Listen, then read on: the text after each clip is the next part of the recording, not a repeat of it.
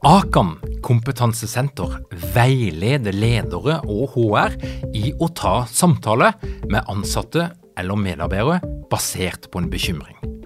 Akan setter ledere og medarbeidere i stand til å forebygge og håndtere en problematisk bruk av alkohol, narkotika, legemidler, spill eller doping blant ansatte.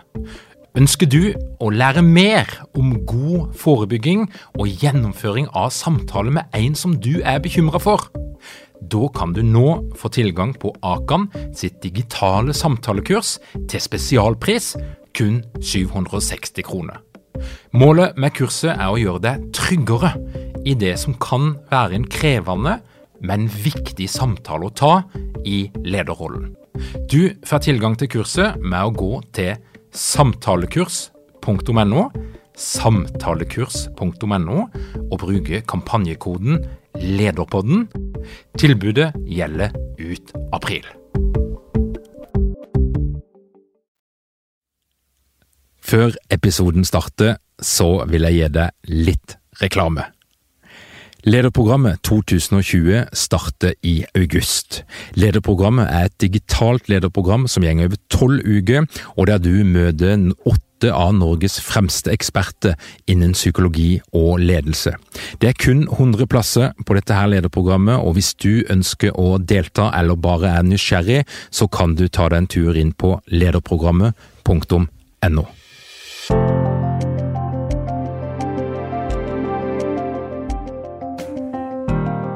Har du noen gang gått ut av en samtale og kjent at du har latt deg overtale til noe som du egentlig ikke ønska å gjøre? Da kan det være at du har blitt utsatt for en hersketeknikk. Velkommen til Lederpodden. Dette her er en podkast for deg som er interessert i ledelse. Mitt navn er Tor Åge Eikrapen, jeg jobber som organisasjonspsykolog, og i dag har jeg òg med meg min gode venn og kollega Dag Nordbø. Fint å være her. Velkommen, Dag. Og grunnen til at jeg inviterte deg inn i dag, det er at eh, makt og hersketeknikker det er noe som jeg vet du er veldig opptatt av. Og eh, Du har bakgrunn som prest, du jobber i Den norske kirke, du jobber som direktør i oljebransjen, og nå er du selvstendig rådgiver, og du hjelper bedrifter med omstilling, endring, og av og til så er det ganske tøffe prosesser som du står i. Og jeg vet at noe av det som du ser mye av i det daglige, det er ulike former for bruk av makt. Men det er helt riktig. Det er vi, vi er omgitt av maktbruk hele tiden. Men Fortell litt, Hvordan skal en definere makt, og hva er, er, makt for noe? Altså, det er vanligvis et eh, begrep som er negativt lada. Det trenger det jo ikke være. Og så er, er, det jo sånn du sier, altså det er overalt, hele tida, og spesielt i arbeidslivet. Ja, men det er det, og det er helt riktig.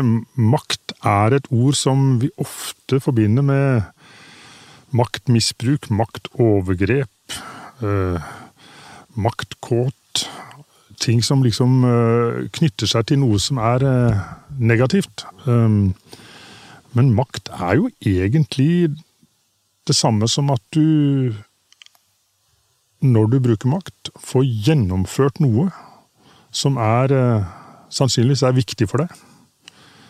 Og jeg tenker vi må bli litt venn med det maktordet, altså. Det er Når jeg sier til andre ledere at om de liker makt, så er det veldig få som svarer ja på det. De liker å påvirke. De liker å være med og sette dagsorden, og de liker å gjennomføre. Men nei, makt, det, det verken liker de, eller syns kanskje ikke de har så mye av det heller. Men er, er makt eh, tabu? Å snakke om makt, eh, spesielt når vi jo da samtidig snakker om ledelse? Ja, iallfall er det, syns jeg, mange som har et litt ubevisst forhold til det. Jeg har bare lyst til å si med en gang at jeg er mye mer redd for de som har makt uten å være bevisst makten sin, enn de som både bruker og misbruker faktisk makt bevisst. Det er ingenting som er farligere enn ubevisst maktbruk. Og så er det en annen eh, ledelsesteoretiker som har skrevet noe sånt som Lead as you got no power. Har du hørt om det? Jeg har hørt om det. Det er jo um, Det er klart, eh, jeg forstår den setningen som at man selvfølgelig som leder skal sørge for å få folk med seg. Skape allianser. Involvere. Invitere med til, til medbestemmelse og, og, medeierskap. Og selvfølgelig skal en skal en bruke makta si til å, oppleve, til, å, til å oppnå det også. Men jeg tror man må anerkjenne at går du inn i en definert lederrolle, så både har du makt, og folk rundt deg ser på deg som en maktperson. Med alt det det fører med seg, både av muligheter til å bygge opp, og muligheter til å bryte ned. Og det er noe som jeg ser ofte, det er jo at ledere er ubevisst åssen de blir sett på av andre. For, for, vi driver jo og fortolker hverandre hele tida på en arbeidsplass. Vi, vi ser på hverandres kroppsspråk, vi, vi, tolker det som blir sagt og det som blir gjort, og vi, vi kjenner litt på er, det, er dette her kritikk, eh, blir jeg anerkjent, blir jeg respektert? Men, men det er jo sånn at eh, en leders ord, en leders kroppsspråk, eh, den har ti ganger mer innvirkning på det mennesket opplever å fortolke, enn det andre kollegaer har. Det, det, er sånn jeg opplever det. Ja, Helt enig, og det gir deg noen utrolige muligheter. Og jeg, jeg sier på godt og vondt, altså som leder så har du mye større mulighet til å score. Selv på ganske banale ting. Altså Det er bare å ta en telefon og spørre hvordan det går med en eh, medarbeider som har vært syk noen dager. Så kan du føre etterpå. Så ringte til og med lederen, altså. Selv om mange kolleger har brydd seg, så er det lederen de trekker frem. Men du har også så du har makt til å score. Men du har også mye større makt til å såre. Vitsene dine, kommentarene dine, som du Som ikke noen eh, reagerte på når du var en vanlig kollega. De blir mye verre når det rykker opp i lederrollen. Det har jeg selv erfart. Jeg gikk jo fra å være kollega i et kollegafellesskap med 25 til å bli ledere for dem.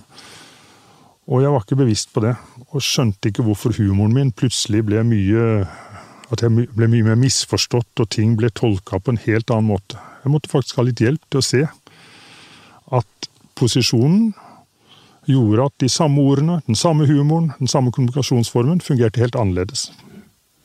Og da er vi jo inne på kommunikasjon, og jeg er glad i å snakke om noen filter mm. i kommunikasjonen vår. Både de filtrene vi har på i det som kommer ut, altså måten vi kommuniserer vår intensjon på. Der er det noen, noen filter som påvirker oss. Og ikke minst når vi fortolker andres kommunikasjon. Kroppsspråk, hva det måtte være mm. for noe.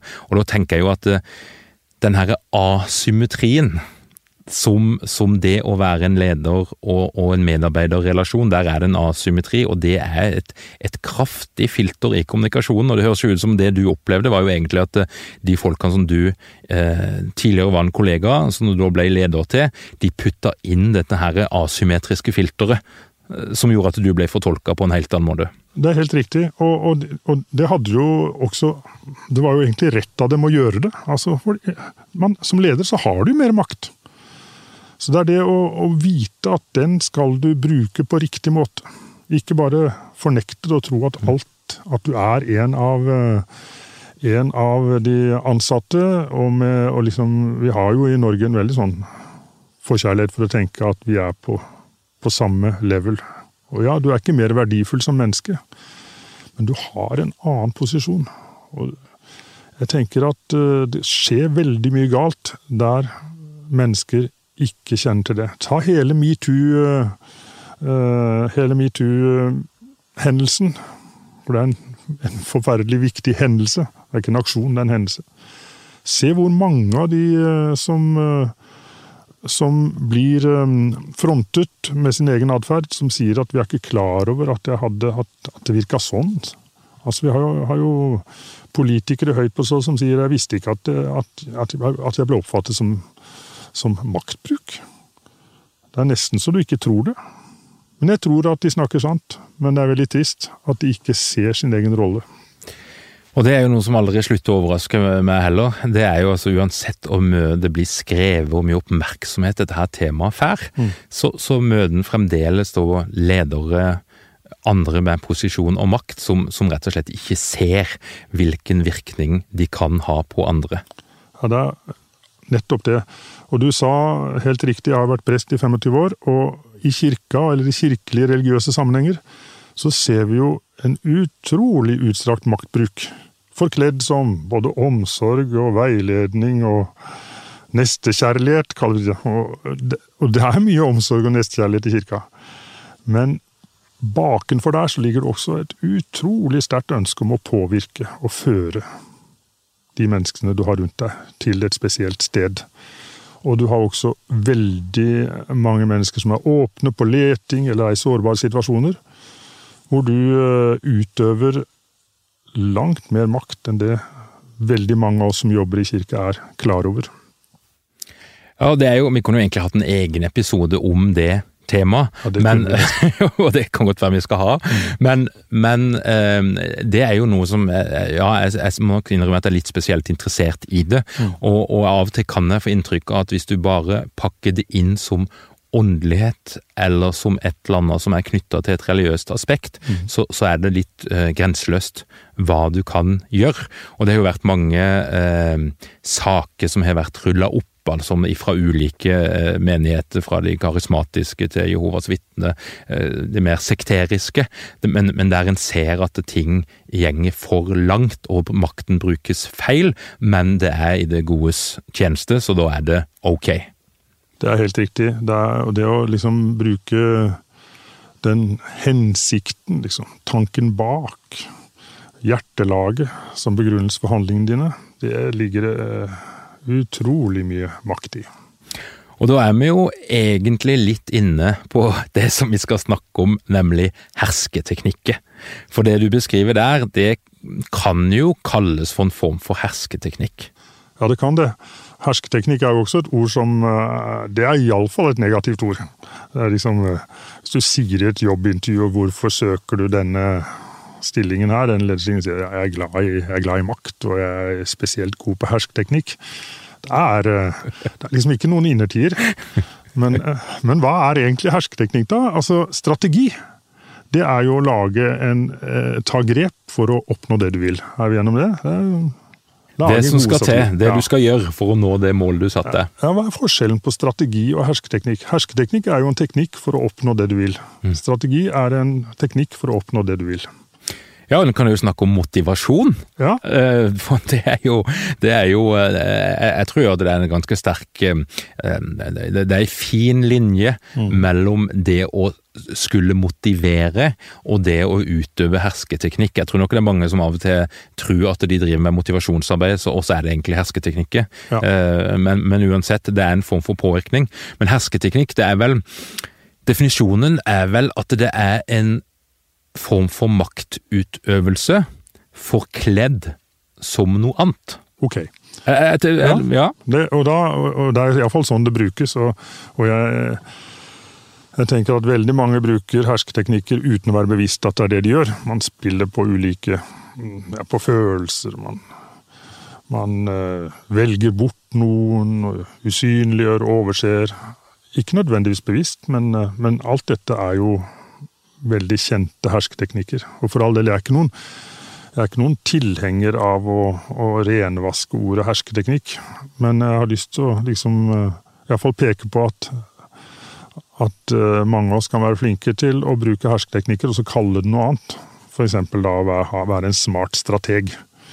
Og ofte menn er smarte strateger, og så er kvinner slu manipulatorer. Altså, det er jo tabloid sagt, men, men, det er jo en tendens til at man, at man også ofte hekter dette med manipulasjon og hersketeknikk på, på, på kvinner, faktisk. Det har jeg prøvd å lese litt om det, og det er iallfall en historisk eh, sannhet. Jeg tror det er gjort noe nyere forskning som viser at menn og kvinner blir beskrevet veldig forskjellig når de utøver makt. Nettopp, nettopp. Hersketeknikker det kan jo ses på som en metode som du kan bruke for å oppnå det du vil. Mm. Det, det, er den ja, positive tilnærminga. Hersketeknikk er jo òg noe du kan bli utsatt for, og, og, og, kanskje ikke helt skjønne det. Du merker at det er ubehagelig, du merker at du, du, du føler deg litt mindre fri.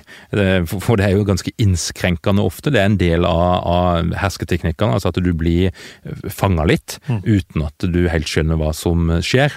Og jeg tror at det å være oppmerksom på hersketeknikker, både for å skjønne når du sjøl bedriver det, og, og, forhåpentligvis begrense det, for jeg tror ikke det er en, en bra ting å, å bruke i for stort monn, men, men i noen situasjoner, ja, så kan det godt være at det er en effektiv og, og riktig teknikk.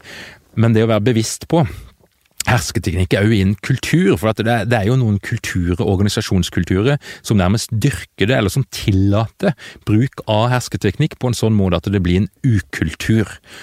Og det er dessverre mye mer vanlig enn det vi liker å tro, selv i vår opplyste verden i 2020. Og Hvis vi skal ta for oss, så har jeg lyst til å gå litt inn i de her hersketeknikkene og, få fram en liten, eh, en liten meny, en liten palett av de mest brukte. Og den klassiske, det er jo um, den type hersketeknikk der en knytter en link mellom enten kjønn alder, erfaring eller ansiennitet i en bedrift, og det ofte òg faglig bakgrunn, eller mangel på faglig bakgrunn, og kompetanse. Den, den, mest typiske er jo eh, Hei, lille jenta mi, det er ikke så lett for deg å forstå dette her, du har jo nettopp begynt å jobbe her, men jobb her i 10-15 år, så skal du skjønne åssen det henger sammen. Mm. Og dette her høres ut som ganske eh, altså Dette her foregår ikke på norske arbeidsplasser, men dessverre, det gjør faktisk det. Eh, bruk av den type begreper, eh, bruk av kjælenavn, bruk av ja, andre typer eh, ord, ord, og begreper som, som, gjør at du setter noen i en bås der de egentlig blir stempla, og de blir, eh, de blir innramma som mindre kompetente, knytta til noen mer sånn demografiske mål. Ja, det tror jeg du har helt rett i. og det, Mange gjør det helt sikkert helt bevisst og vet, vet hvilke knapper de skal trykke på. Uh, og jeg tenker uh, den hersketeknikken jeg er som provoserer meg mest, det er jo de som uh, bruker vennlighet og smiger som hersketeknikk. Det er det ganske mange av. Hvor de prøver å binde det opp ved å og, og gi deg mye komplimenter. Uh, bygge opp under, uh, under, selvfølelsen din. Samtidig som de uh, Samtidig som de får deg De fanger deg, liksom. Gjør deg til en Gjør deg til en alliert, til en venn, til en som forstår dem. Og så blir det, så blir det fryktelig vanskelig for deg i neste omgang å bli tydelig og sette ned foten og sette grenser. Det er mange, mange ledere gjør det mot sine medarbeidere, også, men det er også vice versa. At man binder opp ledere ved å, ved å gjøre Ved å skape personlige, gode relasjoner, som så neste gang skal bli et vern mot at det stilles rettmessige krav. Og det er jo når du da går fra det profesjonelle til det private, Mm. Eh, altså at du, du, du går inn og egentlig kanskje utnytter vedkommendes behov for anerkjennelse eller det å ha en sosial relasjon. Og, og en annen, hvis vi skal ta, strekke det enda litt lenger, da, så er jo eh, da er vi litt sånn på den mørke, eh, mørke sida, men det, det, det, forekommer dette her òg i visse, visse miljøer. Og det er jo for å få for å få makt over en det kan være en, en, kunde, det kan være en leverandør, jeg tror det kan gå begge veier. Men, og, og dette her er, tror jeg er eh, noe som eh, særlig skjer i mannsdominerte miljøer. Det, det er jo å ta folk med på tur til det store utland å gå inn på et horehus eller en strippeklubb eller noe lignende, noe som iallfall er ulovlig, og der en da har en felles erfaring, og som òg gjør at en, en har noe på mm. de andre. Og der ligger det jo veldig mye makt. Ja, men det er helt klart. og Det ser vi jo at uh, veldig mange i, i, konfliktsituasjoner, eller i situasjoner hvor, hvor ledere egentlig både har plikt til og, og rett til å reagere, så holdes de tilbake av frykt for, for det andre vet om dem. Det er, en, det er jo et klassisk maktgrep. Um, nei, det, det, er utrolig spennende å snakke om makt på denne måten, syns jeg. Uh, uh, og, og, for all del, selv om jeg prøver å fremsnakke makt uh, som en legal som en legal, eller makt, Det å ha lyst til makt som en legal følelse, for det vil jeg fortsette med. Det å ha lyst til makt er, er viktig. Men så er det klart, vi må aldri slutte å snakke om, om, om makt eh, og ikke minst den skjulte maktbruken som foregår. Jeg, um, jeg tenker nok at um, mange ledere vil ha godt av å, å stanse opp uh, og se seg selv i speilet og spørre hva, hvilke grep er det jeg har gjort uh, de siste to ukene for å få gjennom målene mine? Hva er det jeg faktisk har gjort? Hvorfor uh, Hvorfor delte jeg ut disse komplimentene? Hvorfor eh, to, Hvorfor gjorde jeg to, Vi Inviterte jeg med disse her på, på tur? Hva, hva, er det, er det, jeg egentlig vil oppnå? Bli litt mer bevisst på hva som styrer det. Fordi eh, jeg tror, jeg tror mange av oss egentlig ikke ser disse mønstrene veldig godt ser ikke at vi utøver makt på en eh, etter et mønster som ligger i oss. Eh, rett og slett, jeg tror det er mye av den, det, det andre kan oppleve som maktmisbruk, som er faktisk helt ubevisst. Mm. Og, er, og, det blir klar over det. Jeg vet at jeg nesten gjentar meg sjøl nå, men det kan ikke sies ofte nok. Altså, Vær klar over den maktutøvelsen du gjør, selv i de små tingene. Hele dagen. Det blir det...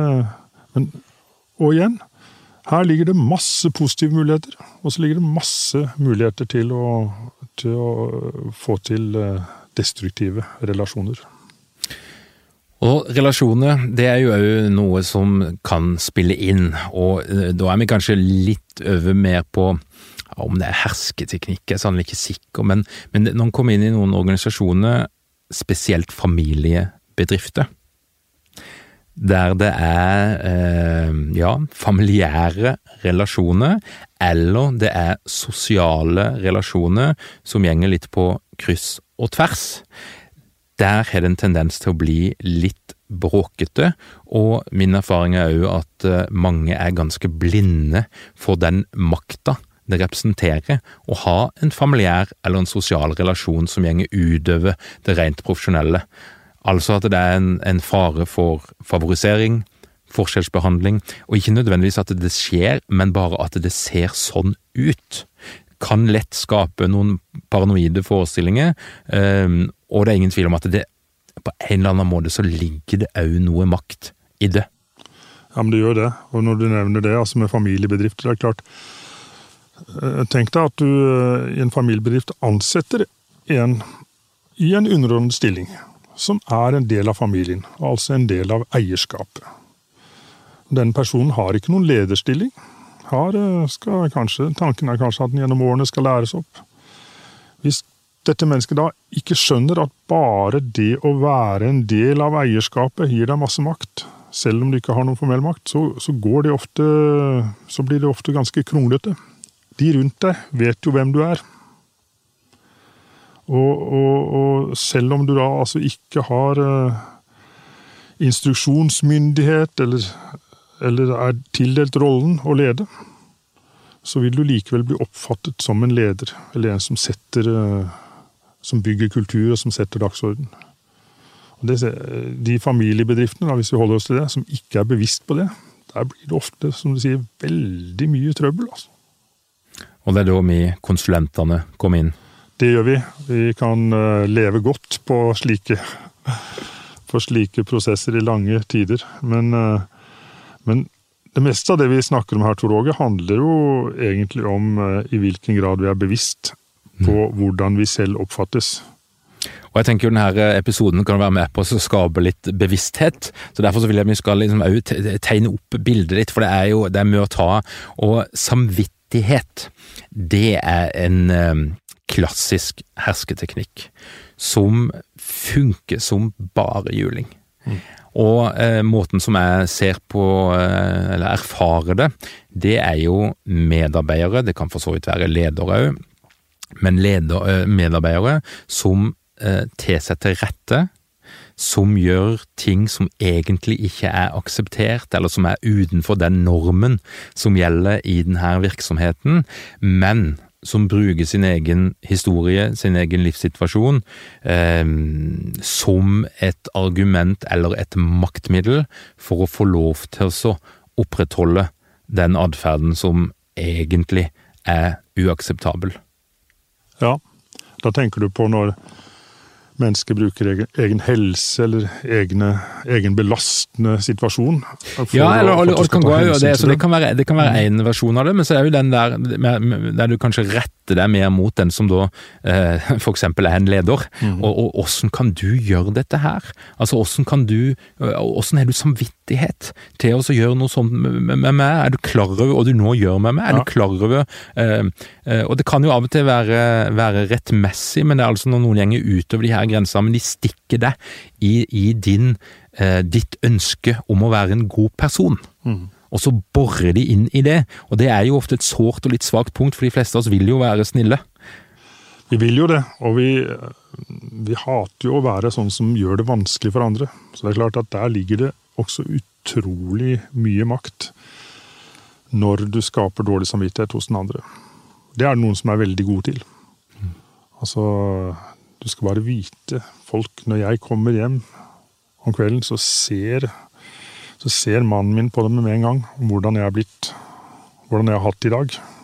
Hvordan jeg har blitt behandlet. Og de spør hva er det de har gjort, med deg, hva er det de har gjort mot deg i dag, da? Det er, det er mange, mange, Det ligger utrolig mye makt i, å, i avmakten. Og, eller det vi kaller offerrollen. Det er og Da penser du òg litt inn på det, da er det kjekt å være eh, både prest og, og psykolog. For det jeg erfarer, det er jo at det er sånne type samtalepartnere, gjerne med litt faglig autoritet, det trenger ikke være en prest eller psykolog, men, men vi kan òg lett bli brukt. Altså når du nikker støttende til det en person forteller deg, så kan det være at i neste fall så blir det omtalt som at du var helt enig. Det, den fella har jeg gått i veldig mange ganger sjøl, må jeg bare si. Også som leder. Jeg er nok kanskje en person som lett blir begeistret, og syns det er spennende det folk forteller til meg. Og jeg har måttet uh, mang en gang uh, rydde opp i det jeg trodde bare var en um, At jeg bare var faktisk uh, til stede og lyttende og, og hørte på. Og i etterkant så det, får jeg høre at ja, men dette var jo du helt enig i. Dette støtta du jo fullt ut. Det har jeg erfart. og Jeg prøver å bli mer bevisst på det, for er man en sånn leder som liker at medarbeiderne kommer med ideer og forteller ting til deg, så husk at ja, selvfølgelig skal du lytte, men husk at Er du ikke mange ledere uten trening eller utdannelse innen ledelse? Mangler dere en felles kultur og praksis for ledelse? Ønsker dere å være bedre rustet for fremtidig vekst og endring? Da kan et internt lederutviklingsprogram være en god investering. I Execu så er vi eksperter på å designe og gjennomføre bedriftsinterne lederutviklingsprogram. Hvis du ønsker å lære mer om hvordan vi kan hjelpe dykken til å få enda bedre ledere, ta og klikk deg inn på execu.no.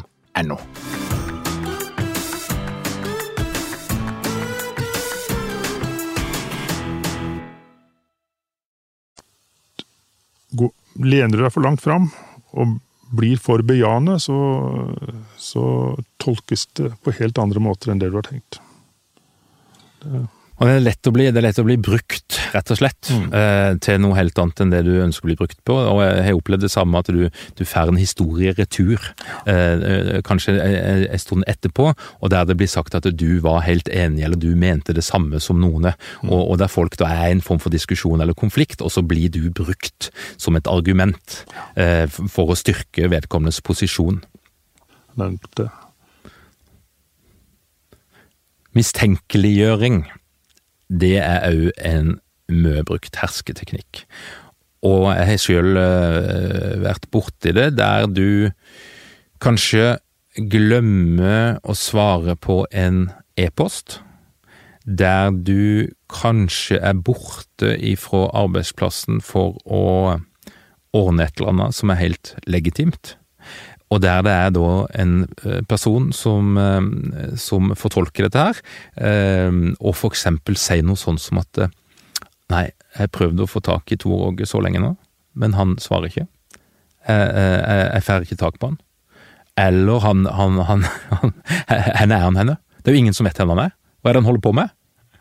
Altså der det er egentlig en bitte liten konkret handling, handling som blir fortolka inn i noe helt annet, men kan, der det kan ligge ganske mye makt i den fortolkninga, hvis det blir sagt til mange nok, og der du da kan egentlig eh, rive ned en del tillit og integritet. Ofte så skal det jo en del til, men i noen sammenhenger er du f.eks. nyansatt, du har ikke så mange relasjoner der du er, så er det eh, ikke så mye som skal til. Nei, det er helt riktig. Det, eller hvis du har hatt en eh, i og for seg en helt uh, rettmessig konfrontasjon, måttet, men det har blitt litt, eh, litt, spent, litt spent forhold. Er du i en sånn relasjon, så vil veldig ofte det du gjør i tiden etterpå, bli tolka helt annerledes enn før dette hendte. Man får et annet filter. Det som før ble tatt i beste mening, blir plutselig snudd og tatt i verste mening. Det, må du i fall, det er ikke sikkert du kan gjøre så mye med det, men du må iallfall vite om det. Og så kan du ta dine forholdsregler. Passe på at du sikrer deg mot uh, tolkninger som er helt på siden av det du faktisk mente. Og arbeidsplasser kan jo være et farlig sted. Det er et sted der du blir, kan bli satt under et psykisk press som er ganske ulikt det du gjør andre steder. Og, og nettopp i konfliktsituasjoner, som kanskje er noen av de farligste situasjonene å være på en arbeidsplass, så, så er min opplevelse at det, at det skrur seg til, og bruken av hersketeknikker eskalerer og blir eh, mer skadelig mm. enn det de ellers gjør.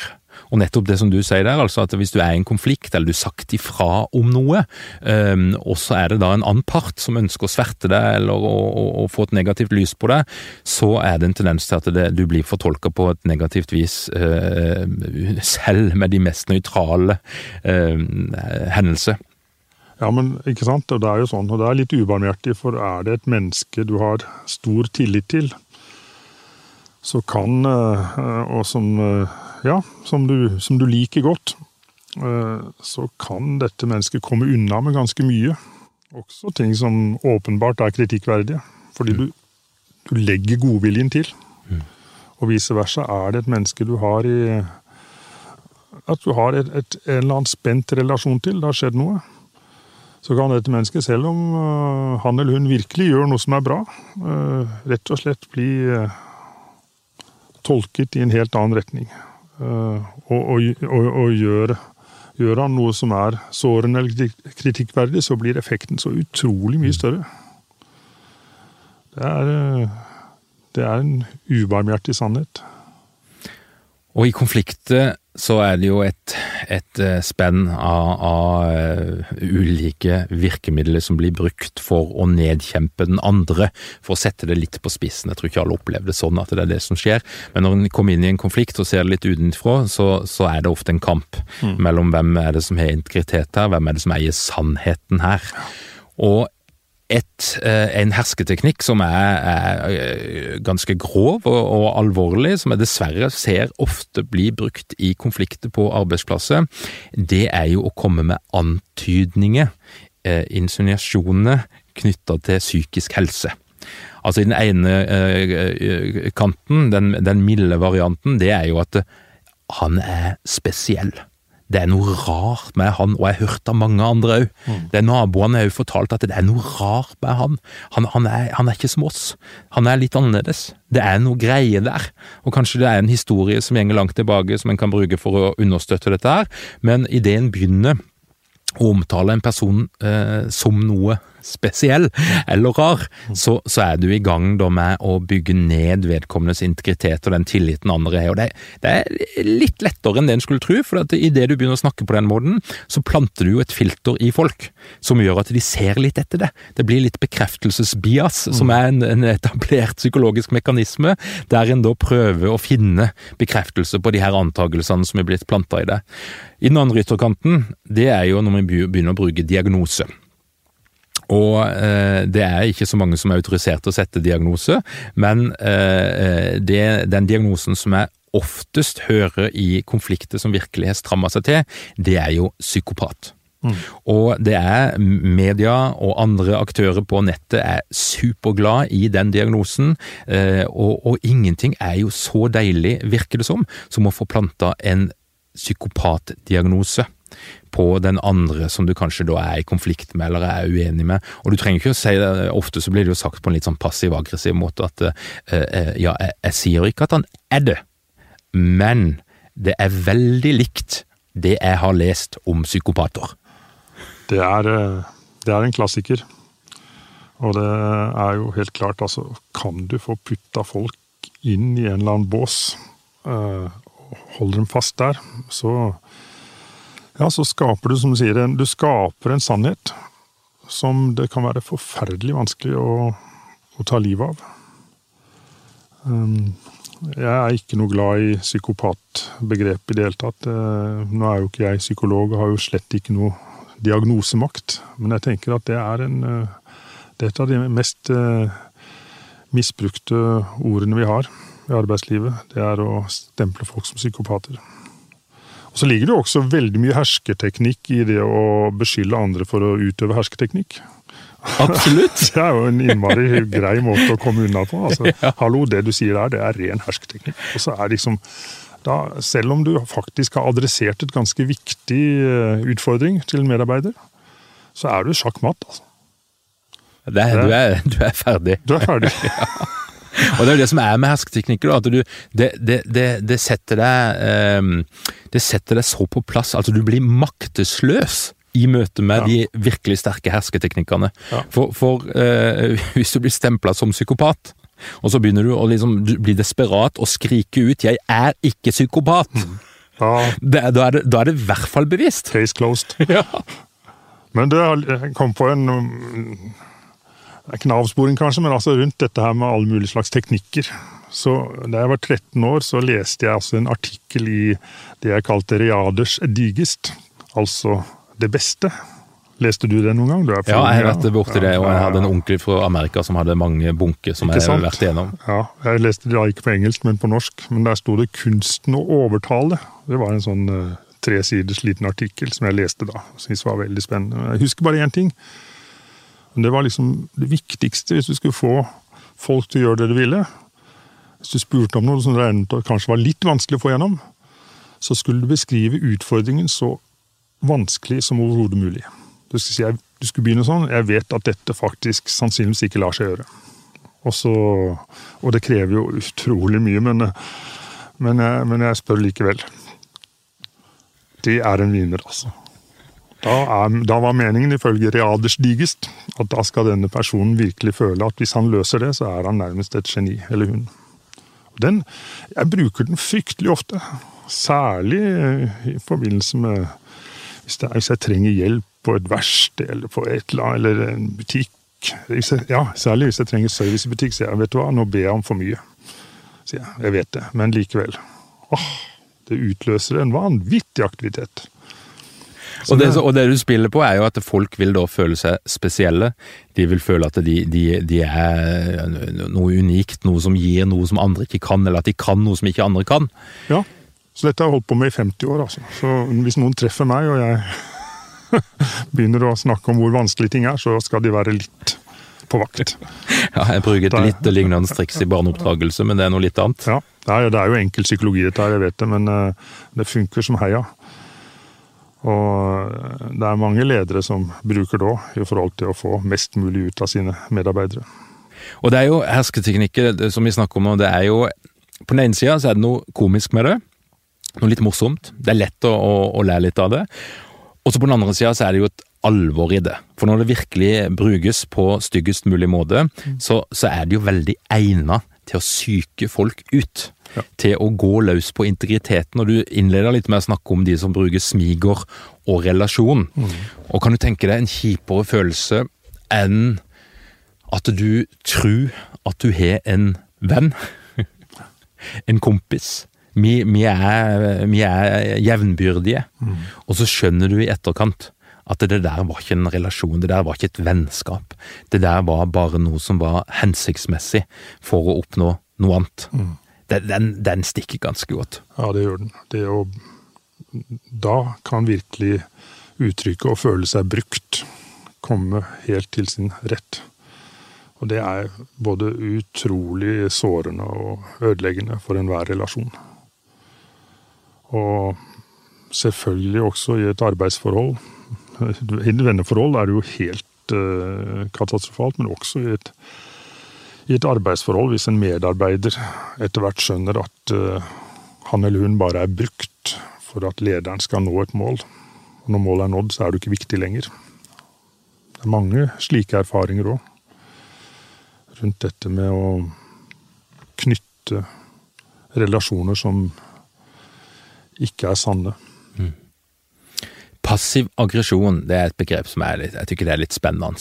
Og eh, det handler jo om å utøve egentlig aggresjon, men forkledd som noe litt annet. Sant? Det er liksom litt i nabolaget til hersketeknikker. Mm. Og eh, i amerikansk litteratur rundt passiv aggresjon så snakker de om en teknikk som de kaller for just saying.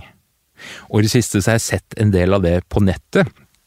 Eh, Knytta til, til eh, debatten rundt Black Lives Matter i, i, USA.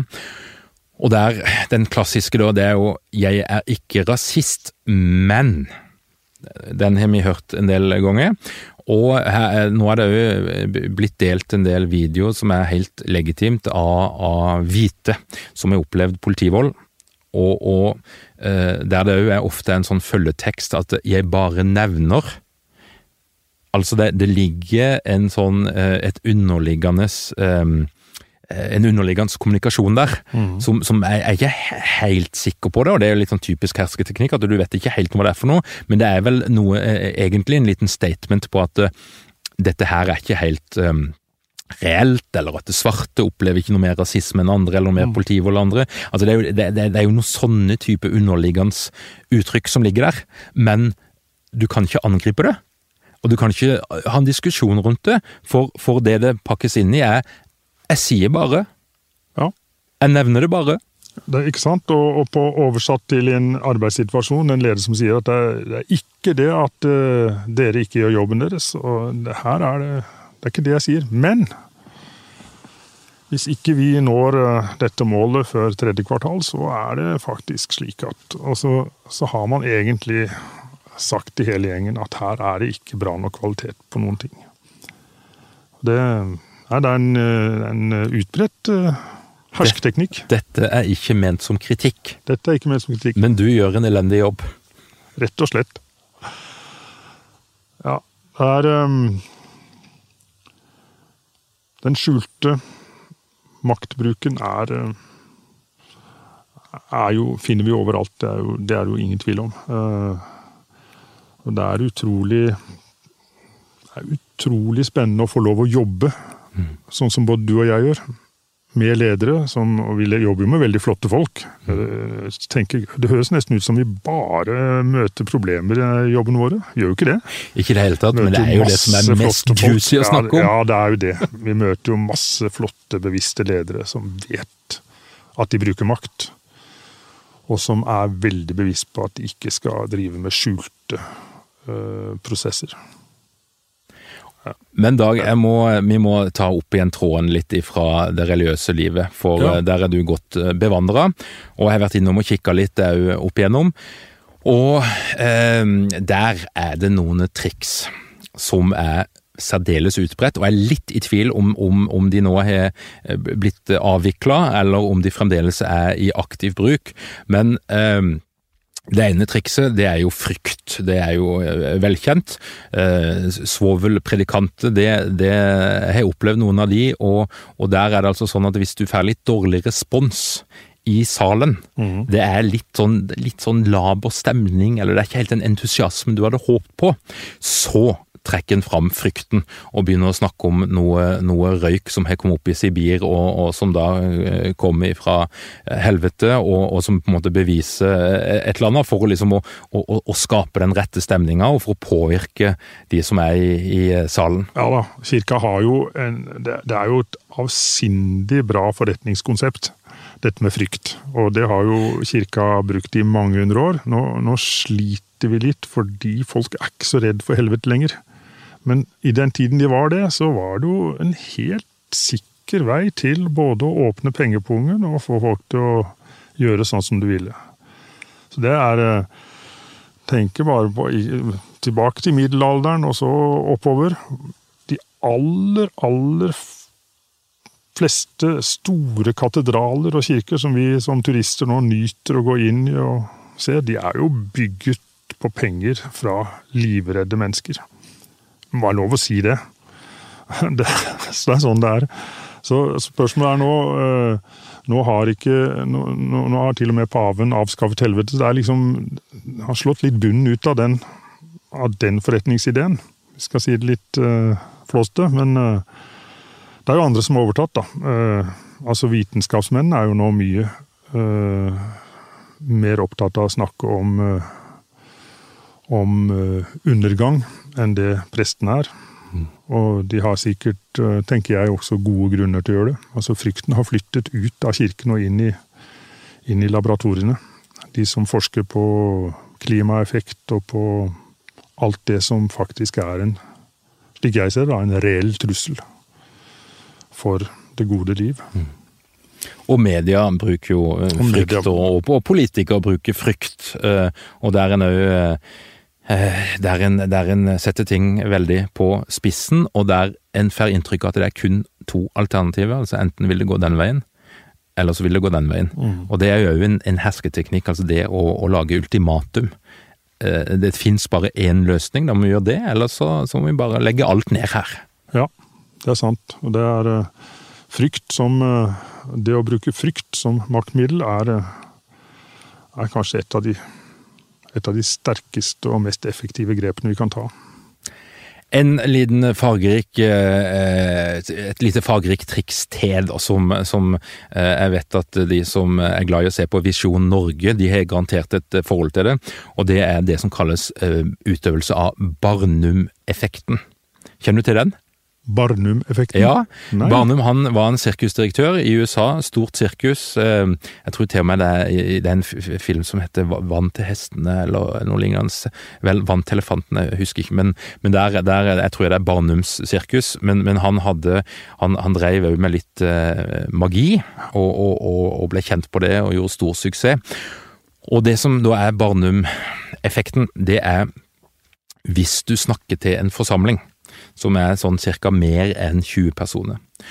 Og så ønsker du å gi inntrykk av at du ser et eller annet i den forsamlinga. Altså du kan kikke gjennom de folkene, du kan, du kan, peke ut noen der som har noen spesielle egenskaper, eller ofte problemer.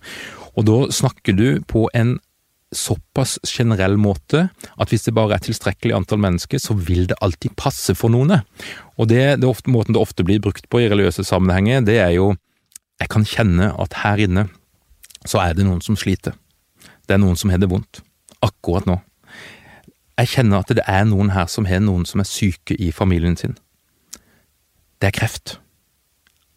Og så kan du dra det videre i den retninga du vil, men statistisk sett så vil det altså i en forsamling, og kanskje spesielt i en forsamling som oppsøker eh, den type møte, så vil det være noen som kjenner på akkurat de tingene og er i akkurat den situasjonen, og som der og da føler at du snakker til meg, du ser til meg, du ser på meg, og du har altså en spesielle evner som gjør at du ser meg.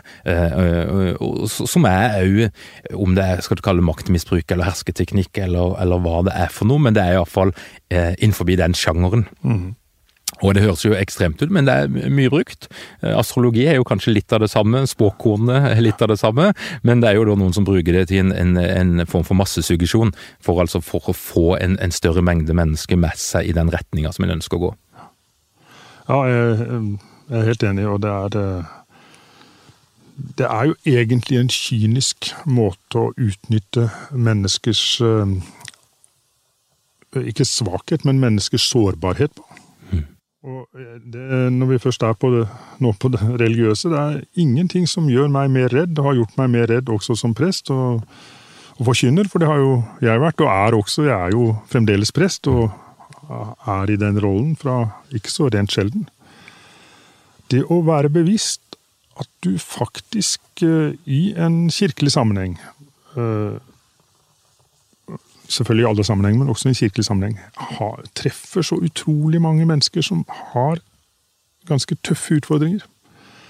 Det å vite at du da med dine ord, måten du sier ting på, øh, det du lover av øh, hva som hjelper, altså bare det å snakke om Gud, om Gud som allmektig og kjærlig, det er maktbruk, det òg. Du skaper Jeg sier ikke at de som sitter der, ikke er tenkende mennesker og kan ta vare på seg sjøl, men du du skaper på en måte både noen håp, som det kanskje ikke er grunnlag for, eller på den motsatte siden, du skaper skyldfølelse, du skaper frykt, du skaper uh, skaper en uh, også en avhengighet noen ganger. Ikke minst i samtalesituasjoner, hvor du faktisk blir den som uh, er så forståelsesfull at den andre nærmest blir ikke tror at de kan greie seg uten at du stadig hører på dem. Og det Jeg sier ikke at, at alt dette er galt, men igjen, dette blir veldig galt når eh, vi enten gjør det ubevisst, eller vi gjør det kynisk for å oppnå noe. Og det ser vi jo, det siste er faktisk Der går ikke kirka fri. Vi bruker dette kynisk for å oppnå en avhengighet, som igjen fører til tilhørighet, tilknytning, og som igjen åpner både lommebok og, og tankesett og mindset. Dette er eh, Ja, det er ganske mange mørke sider her. Så hvis vi skal konkludere litt, da, Dag, så, så er jo hersketeknikker og makt, det er en del av det å skulle påvirke og forandre og utvikle og få noe til å skje.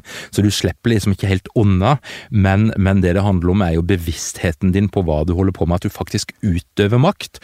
Og så tror jeg da at etikk er et fag som må inn i mye sterkere grad mm. hos alle som driver med ledelse og lederutvikling, for det handler om din evne til etisk refleksjon, altså å se konsekvensene av det du gjør, og, og gjøre noen selvstendige vurderinger om, om, det er det du vil, eller det som er riktig eller galt. Og der tror jeg det er uh, mye å gå på, altså den evnen til etisk refleksjon, eller tid som en setter av å bruke på etisk refleksjon. I helsevesenet så opplever jeg at mange er flinke til det men jeg tror alle andre bransjer òg kan ha godt av, og med jevne mellomrom, ha etisk refleksjon på dagsorden.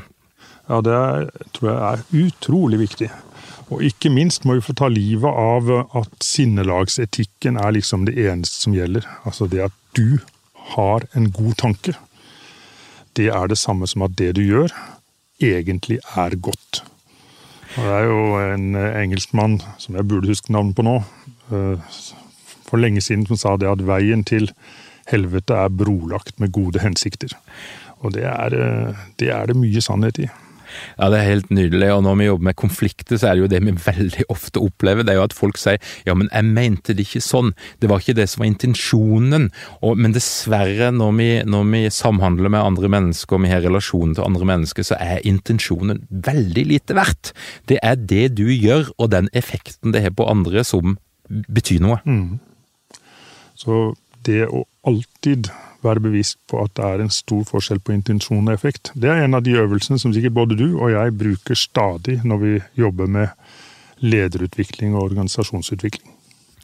Til de av dere som har lyst til å lære mer om hersketeknikker, enten for å gjenkjenne det eller for å bruke det på en fornuftig og etisk eh, riktig måte, så er det ei som heter Sigrid Sollund. Hun har jobba annet i Dagsnytt 18 der det utøves hersketeknikk hver eneste dag, og hun har skrevet en bok som heter Hersketeknikker nyttige og nådeløse. Så den er eh, virkelig å anbefale hvis du ønsker å dykke litt inn i dette her temaet.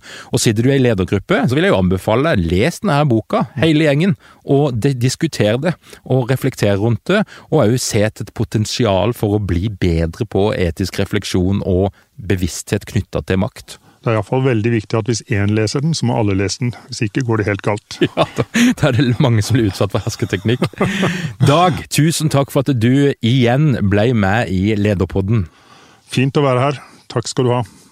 Og til du som hører på, tusen takk for at du hører på Lederpodden. Vi er faktisk nå for tida på toppen av iTunes eh, sin liste over podkastet innenfor kategorien ledelse, og det er på grunn av at du hører på denne podden. Og Hvis du har lyst til å gi oss noen omtale eller score oss fordi at du syns dette her er bra, så vil jo enda flere oppdage Lederpodden. Hvis du ønsker å se mange av de livesendingene vi har hatt eh, i det siste, så kan du gå inn på lederpodden.no. Vi har jo en YouTube-kanal, og jeg minner deg på at nå begynner lederprogrammet 2020 å fylles opp. og Hvis du har lyst til å få med deg dette her ganske unike lederprogrammet der du møter andre ledere, du møter eksperter, og det hele er altså digitalt og framtidsretta, så kom deg inn på lederprogrammet.no nå. Da er det bare å ønske deg ei god uke, og det er nøyaktig ei uke til en ny episode av Lederpodden er ute.